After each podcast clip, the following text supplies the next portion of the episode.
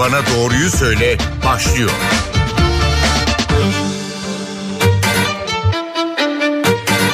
NTV Radyo'dan herkese merhaba ben Aynur Altunkaş. Yeni bir Doktor Bana Doğruyu Söyle programında birlikteyiz. Koronavirüs başlığında merak ettiğimiz konuları uzmanlara sormaya devam ediyoruz. Bugünden itibaren 17 günlük tam kapanmanın bitmesiyle kademeli normalleşme süreci başladı. Sabah erken saatlerden itibaren bu sürecin nasıl olacağına dair İçişleri Bakanlığı genelgesinin ayrıntılarını paylaşmaya devam ediyoruz. Bazı başlıkları hatırlatalım. Özellikle e, 65 yaş üstü iki doz aşısını olanlara e, sokak yasağı kalkmış durumda. E, Aşısını olmayan 65 yaş üstü kişiler hafta içi sadece 10-14 saatleri arasında sokağa çıkabiliyorlar. 65 yaş üstü 18 yaş altı şehir içi toplu ulaşım araçlarına binemeyecekler. Kafe ve restoranlar 1 Haziran'a kadar kapalı kalacak. Sadece paket servis ve gel al şeklinde belirlenen saatlerde hizmet verebilecekler. Eğitim 1 Haziran'a kadar uzaktan devam edecek. Kafeler, sinema salonları, spor salonları kapalı kalmaya devam edecek. Alışveriş alışveriş merkezleri sadece hafta içi açık olacak. Hafta sonları tüm yurtta yine sokak kısıtlaması var. E, bu süre içinde alışveriş merkezleri de kapalı olacak. E, şimdi bu başlıklar e, yeni kademeli normalleşme dönemine dair bu e, dönemden neler bekliyoruz bunları da konuşacağız.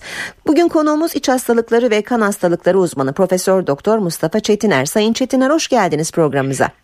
Ee, teşekkür ediyorum. Kolay gelsin size de. Teşekkür ederiz. İsterseniz önce son e, verileri paylaşalım. E, hangi noktadayız salgınla mücadelede? 24 saatte 202.243 test yapıldı. 10.512 kişinin testi pozitif çıktı. Hala 5.000 ve altına indirebilmiş değiliz yeni vaka sayısını ve maalesef 223 can kaybı daha var. Öncelikle bu tabloyu değerlendirmenizi isteyeceğiz.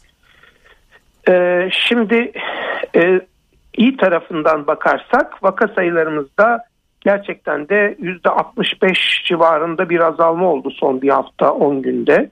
Bu önemli bir şey ama e, genel olarak e, boş tarafından bakarsak hala Avrupa'da e, ikinci sırada Türkiye ve e, vaka sayılarımız da 5000'in altına inmedi. Yani 5006 hedefleniyordu biliyorsunuz. Evet. E, bu 10 binler e, seviyesinde şimdi eğri düz çizmeye başladı. Yani aşağı doğru iniş ortadan kalktı gözüküyor. E, test oranlarımız ama e, yüzde oran olarak baktığınızda yüzde 5.2 biz e, bu önlemlere başladığımızda yüzde 20'lere yakın bir test pozitifliğimiz vardı.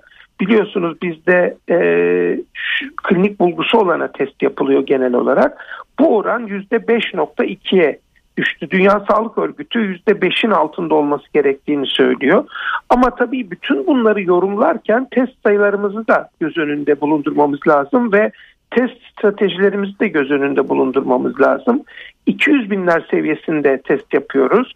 O çok e, gürültülü günlerde yani vaka sayılarımızın 60 binlere dayandığı günlerde e, test sayımızda 350 bine doğru yükselmişti. E, şimdi testlerimiz düştü. Daha az test yapmak ihtiyacı olduğundan yani biz çünkü bulgusu olmayana test yapmıyoruz dediğim gibi. Evet. E, ama e, Avrupa ülkelerinde tabii daha çok filyasyon amaçlı test yapılıyor. E, mesela bir örnek vereyim kıyaslama için. Almanya'da günde 2 milyon 400 bin test yapılıyor. Yani e, Avrupa Birliği ülkelerinde hemen her ülke 1 milyon sınırında ve üstünde test yapıyor. İngiltere 1.4 milyon, 1.5 milyon civarında günlük test yapıyor. E, vatandaşlarına haftada iki kere ücretsiz test yapma imkanı verdi. Tabii e, burada üç ayaklı bir denklem kurmak lazım. Yani kapanma, kapanmayla birlikte çok efektif ve hızlı bir aşılama ve e, çok yaygın bir test e, ile pozitif vakaları ayırt etme ve onları izole etme. Hı hı. Şimdi e, dün yapılan aşı sayımızda 73.300. Şimdi yine kıyaslama olsun diye söylüyorum. E, Almanya'da bugünlerde hep 1 milyon üzerinde. iki gün önce bir rekor kırdı Almanya ve 1 milyon 353 bin kişi aşıladı bir günde. Yani e, şimdi e, önlemlerin e, kalıcı olması ve yeni kapanmamaların kapanmaların olmaması için bizim birazcık daha bu aşıya yüklenmek ihtiyacımız var. Türkiye yani kötü olduğu için söylemiyorum top ama dünyada şu anda toplam doz açısından bakıldığında dünyada 9. sırada Türkiye. E, tüm nüfusumuza baktığımızda %13'ü iki doz aşılandı. İşte %5'te geçirmiş olanı eklerseniz e, %20 civarında bir pozitif e, daha doğrusu toplumsal bağışıklık oranımız var. Hı hı. Böyle bakıldığı zaman hala gidilmesi gereken oldukça büyük bir yol olduğunu da söylemek zorundayız. Ee, evet buyurun. Buyurun. Buyurun siz buyurun lütfen. Bu tam da bu noktada yeni bir haber var onu da paylaşalım e, dinleyicilerimizle. Kültür ve Turizm Bakanı Mehmet Nuri Ersoy, e, Cumhurbaşkanlığı Sözcüsü İbrahim Kalın ve e, Sağlık Bakan Yardımcısı Rusya'ya gittiler. Gündem maddelerinden biri de aşı miktarının artırılması. E, tabii bu gerçekleşirse arzu ettiğimiz aşılama hızını da yeniden yakalama e, imkanımız olacak. Evet yani Türkiye çünkü altyapı olarak yani daha önce 400 e, binleri bulmuştu günlük aşılama oranları biliyorsun 450 binleri bulmuştu. Evet. E, yani biz bu sayıyı gerçekten çok arttırabiliriz. Tabii burada vatandaşların da yeterince istekli olması lazım. E, bu açıdan bakıldığında bu yeni düzenlemede 65 yaş üstü uygulaması bence hem teşvik edici hem de çok doğru bir uygulama oldu. Çünkü gerçekten onlar da bu salgının mağdurlarından biliyorsunuz 65 yaş üstü. E, o nedenle e, onların da e, şey olması artık dışarı çıkabilecek olmaları falan çok önemli. E, 15 günlük vakalarda demin de söylediğim %65'lik bir azalma var ama hala virüs yükü çok yüksek. O yüzden kademeli ve çok dikkatli bir normalleşme gerekiyor.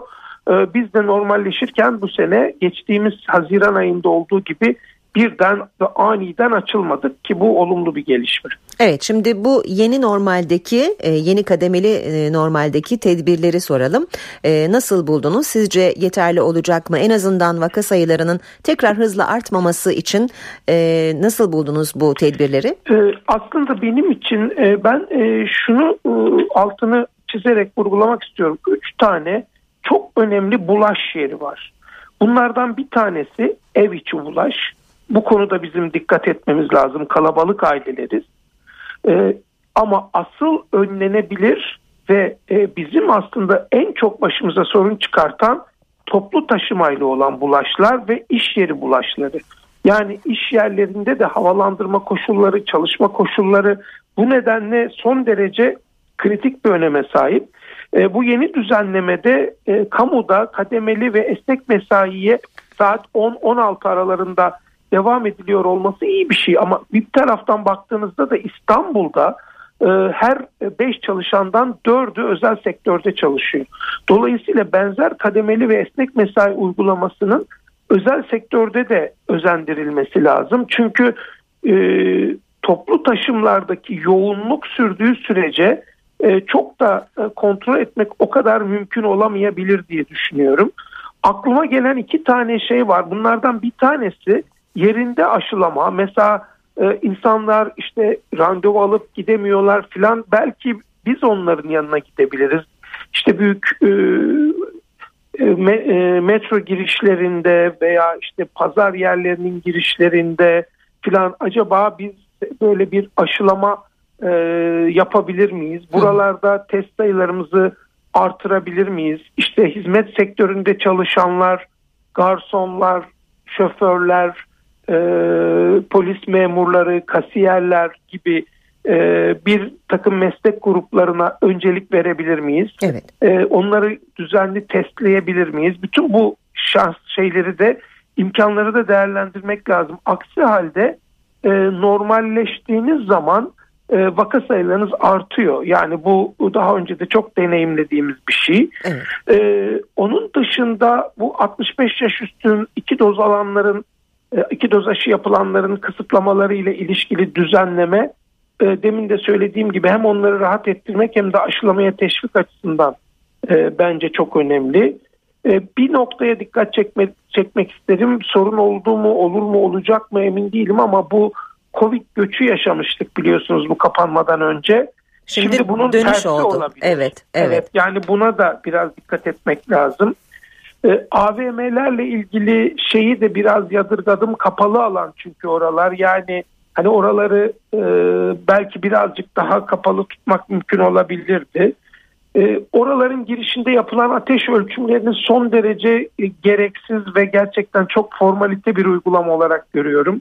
Yani oralarda kaç kişi o şekilde yakalanmış da Covid tespit edilmiştir emin değilim. Onlar yerine belki oralarda demin de söylediğim gibi aşılama ya da test yapma imkanları arttırılmaya çalışılabilir. Alışveriş merkezlerine HES koduyla da e, girilmesi gerekiyor biliyorsunuz. Evet. Bir hem yandan ateş öyle. ölçülüyor hem de HES kodu soruluyor. Evet. E, ama işte dediğim gibi belki demin de söylediğim gibi aşılamayı arttırmamız lazım. Evet. Yani oralarda belki düşünülebilir. Bir de bir yadırgadığım nokta şey oldu. Bu rezervasyonlarla otellere giriş yapabilmek yeterli gibi. Hani bir yandan personeli e, aşılıyorsunuz. işte turizm sektörünün aşılanmasını e, düşünüyorsunuz. Öte taraftan müşterilere en azından aşı veya bir negatif test sonucu sormak e, düşünülebilirdi. Yani hı hı. buralara alınırken diğer müşterilerin de güvenliğini düşünerek açık havaların e, açık havalarda olacak olmamız önemli. Çünkü bununla ilgili yapılmış çalışmalar var. Gerçekten de İrlanda'da e, her bin vakadan bir tanesinin açık hava bulaşıyla olduğunu söylediler ki bu çok önemli bir bilgi aslında. Ve başka çalışmalar da açık hava bulaşının 19 kat daha düşük olduğunu söylüyor. Ama tabii bu e, belli önlemlere uyarak söz konusu. Yoksa açık havadayız diye maskeyi falan açıp atıp fiziksel mesafeyi de iyice sıfırlarsanız e, bulaşma kaçınılmaz olarak ortaya çıkacaktır. E, bir nokta daha var o da eğitim. Aslında tabii hep biz şeyi çok konuştuk. E, bu esnafın durumu, e, restoranların durumu, turizmin durumu bunlar bugünümüz için çok önemli. Ama bir de geleceğimiz var. Bunun temeli eğitim.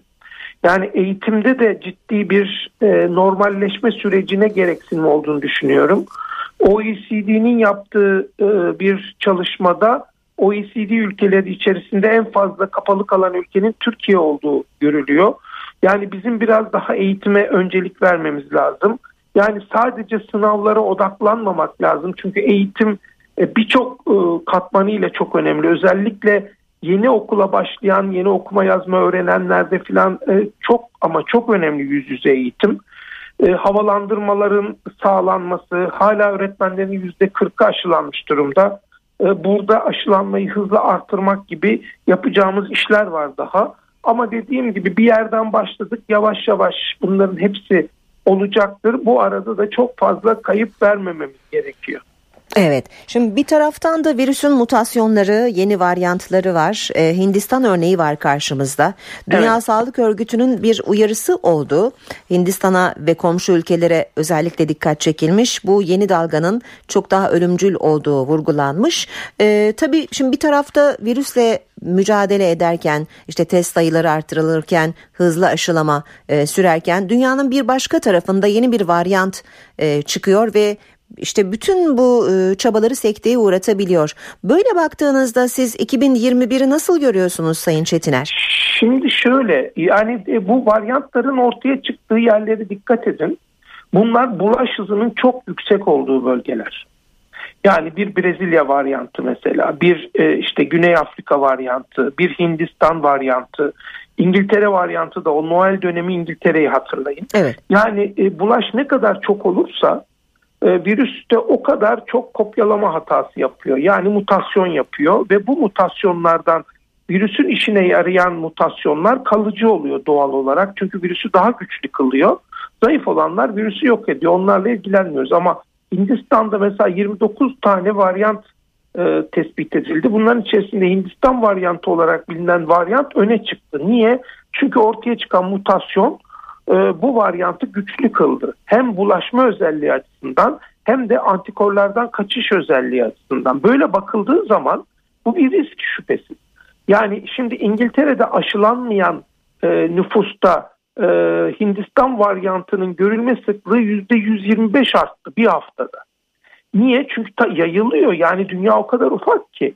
Vebanın yayılması yıllar almıştır. Yani Hindistan'dan Napoli'ye gelmesi.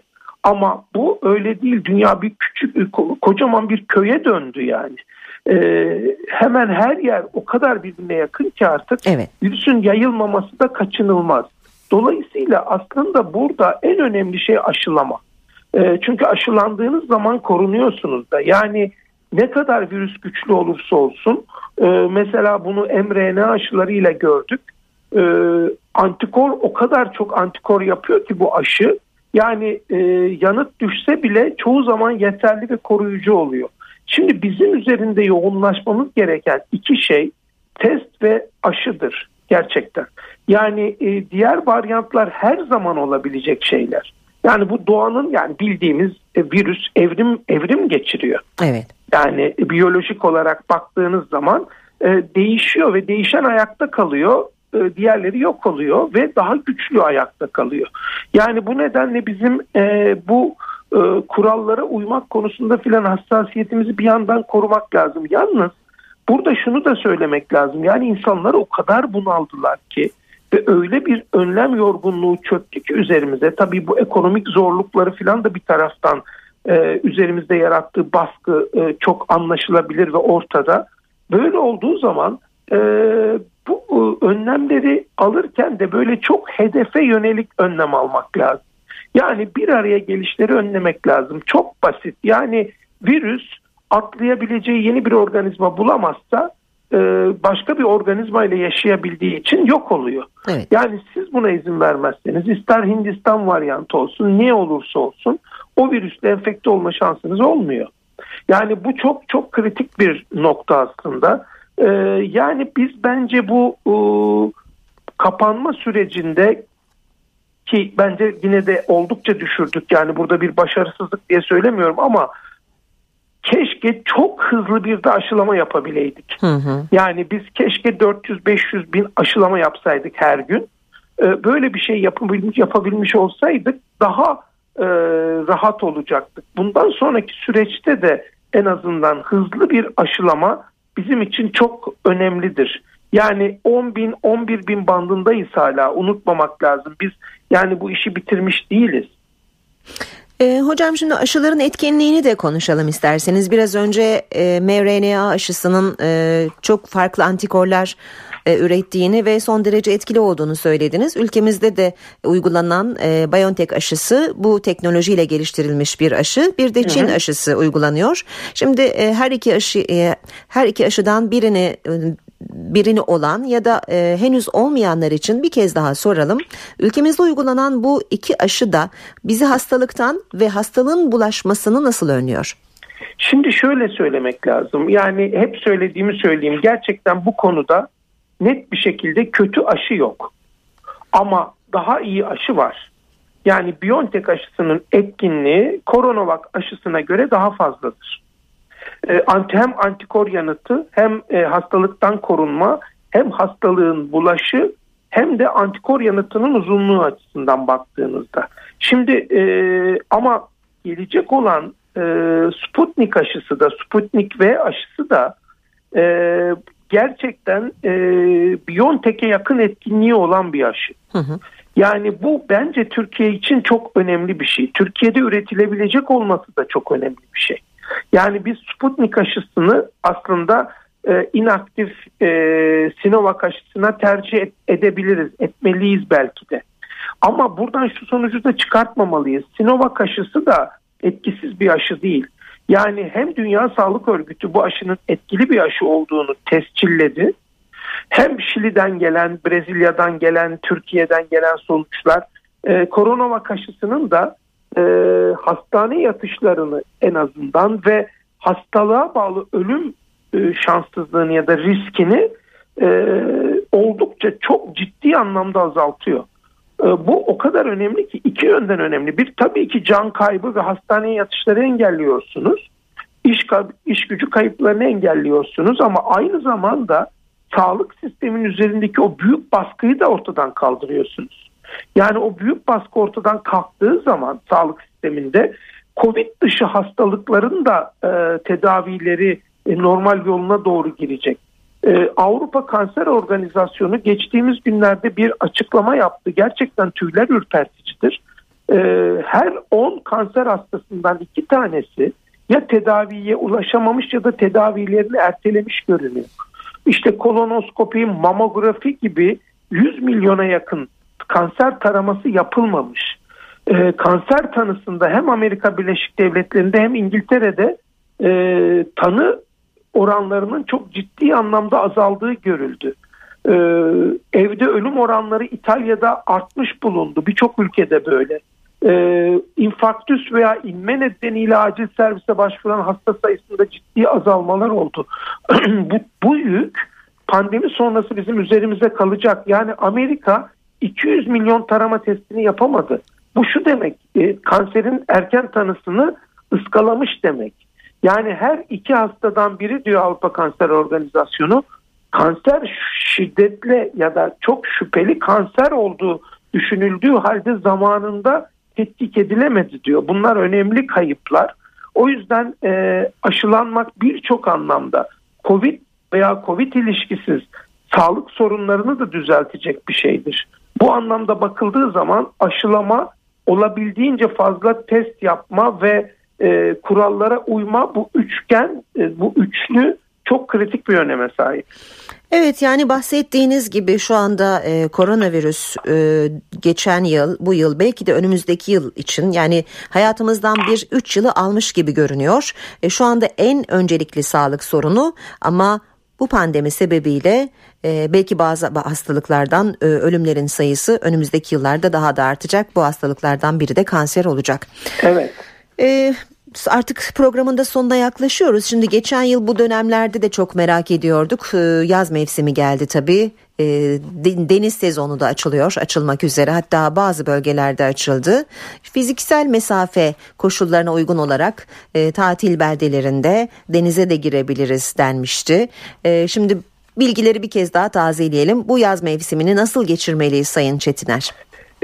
Şimdi gerçekten de açık hava bulaşı e, çok nadir ve düşük bir bulaş riski. Yani siz fiziksel mesafeyi koruduğunuz koşulda e, olabildiğince korunuyorsunuz da aynı zamanda.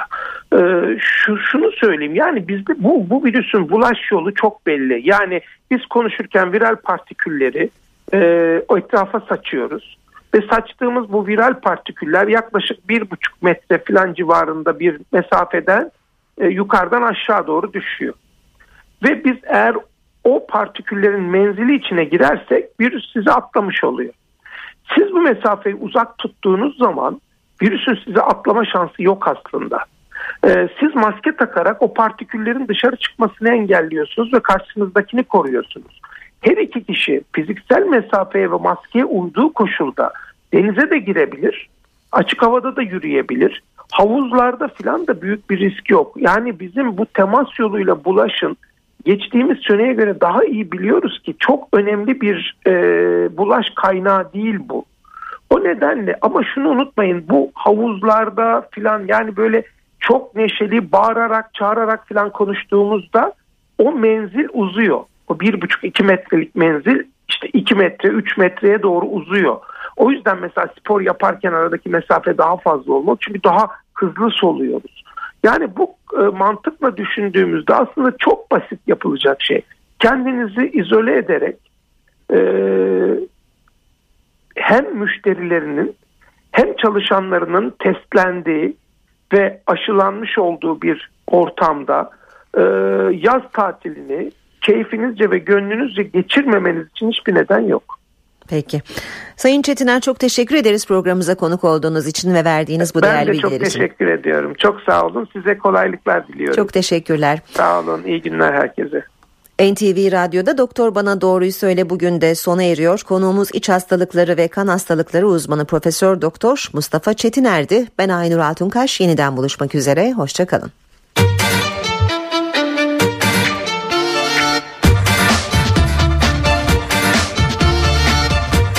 Bana Doğruyu Söyle.